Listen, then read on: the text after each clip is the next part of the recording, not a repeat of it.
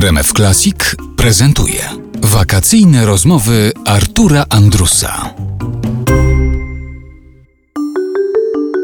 W rozmowach wakacyjnych w RMF Classic gościmy dzisiaj Jacka Fedorowicza. Jest coś takiego, że my szukamy, to znaczy nie my we dwóch, ale nasze państwo, odnoszę wrażenie, że szuka różnych okazji do tego, żeby świętować, żeby pojawił się jakiś nowy wolny dzień od pracy. Ja chciałbym to sprowadzić do bardzo prywatnego terenu i zapytać Mhm. pana, gdyby miał pan wymienić takie osoby, których urodziny uczyniłby pan dniami wolnymi od pracy. Chodzi mi po prostu o takich ludzi, których chciałby pan jak najbardziej w pamięci Polaków utrzymywać, przypominać im, że ktoś taki był. Pan ich właściwie wymienił we wstępie do książki Święte Krowy. Wspomina pan ludzi, którym pan dziękuję za wiele rzeczy. No tak, ale to akurat tutaj kryterium jest, y, którzy rzeczywiście wpłynęli na mnie, ale mm, w dużej części to są artyści. A tak jak pan zaczął z takiego piedestału ogólnonarodowego, to od razu mi przyszły do głowy dwa nazwiska: Jan Nowak-Jeziorański i Władysław Bartoszewski. Ale być może jestem niesprawiedliwy wobec innych. Jest ogromna liczba takich ludzi.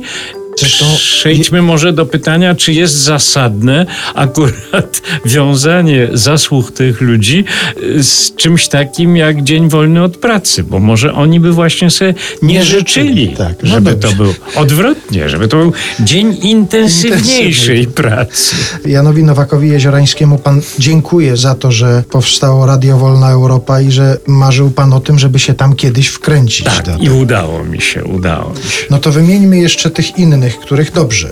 Albo byśmy uczcili dniem wolnym od pracy, albo wręcz dniem intensywnej pracy. To jest oczywiście bardzo osobisty ranking i odnoszący się tylko do tych, których pan by wymienił w takim rankingu. Ja bardzo wiele zawdzięczam Bogumiłowi Kobieli. To był taki mój przewodnik po świecie artystycznym wtedy, kiedy miałem naście lat. A on był dorosły, bo dopiero co skończył 20. To już dla mnie był taki, no już prawie stary, i on był dla mnie czymś w rodzaju e, szkoły aktorskiej, aczkolwiek zawsze podkreślam, że dykcję nienaganną zawdzięczam mojej babci, która mnie zmuszała od małego do recytowania wierszyków Brzechwy i bardzo uważała, żebym przypadkiem nie popełnił jakiegoś błędu.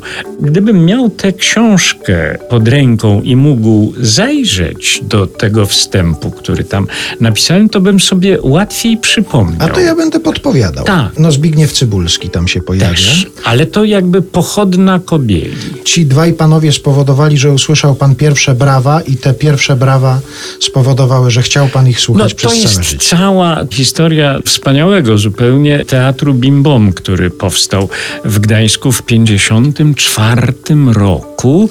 Tu trzecie nazwisko Bielicki trzeba dołożyć, dlatego że to była taka trójka autorów pierwszego programu, potem w drugim doszedł Mrożek i tak tak dalej. I poza tym to było coś, co zgrupowało najwspanialszą wtedy młodzież studencką Wybrzeża. To byli ci pierwsi, którzy wyczuli, że stalinizm się załamuje i w związku z tym można będzie coś zrobić. I zrobiliśmy. To jest wspomnienie, które jakby kształtuje w ogóle osobowość wielu ludzi. Wakacyjne rozmowy Artura Andrusa w RMF Classic. Wracamy za chwilę.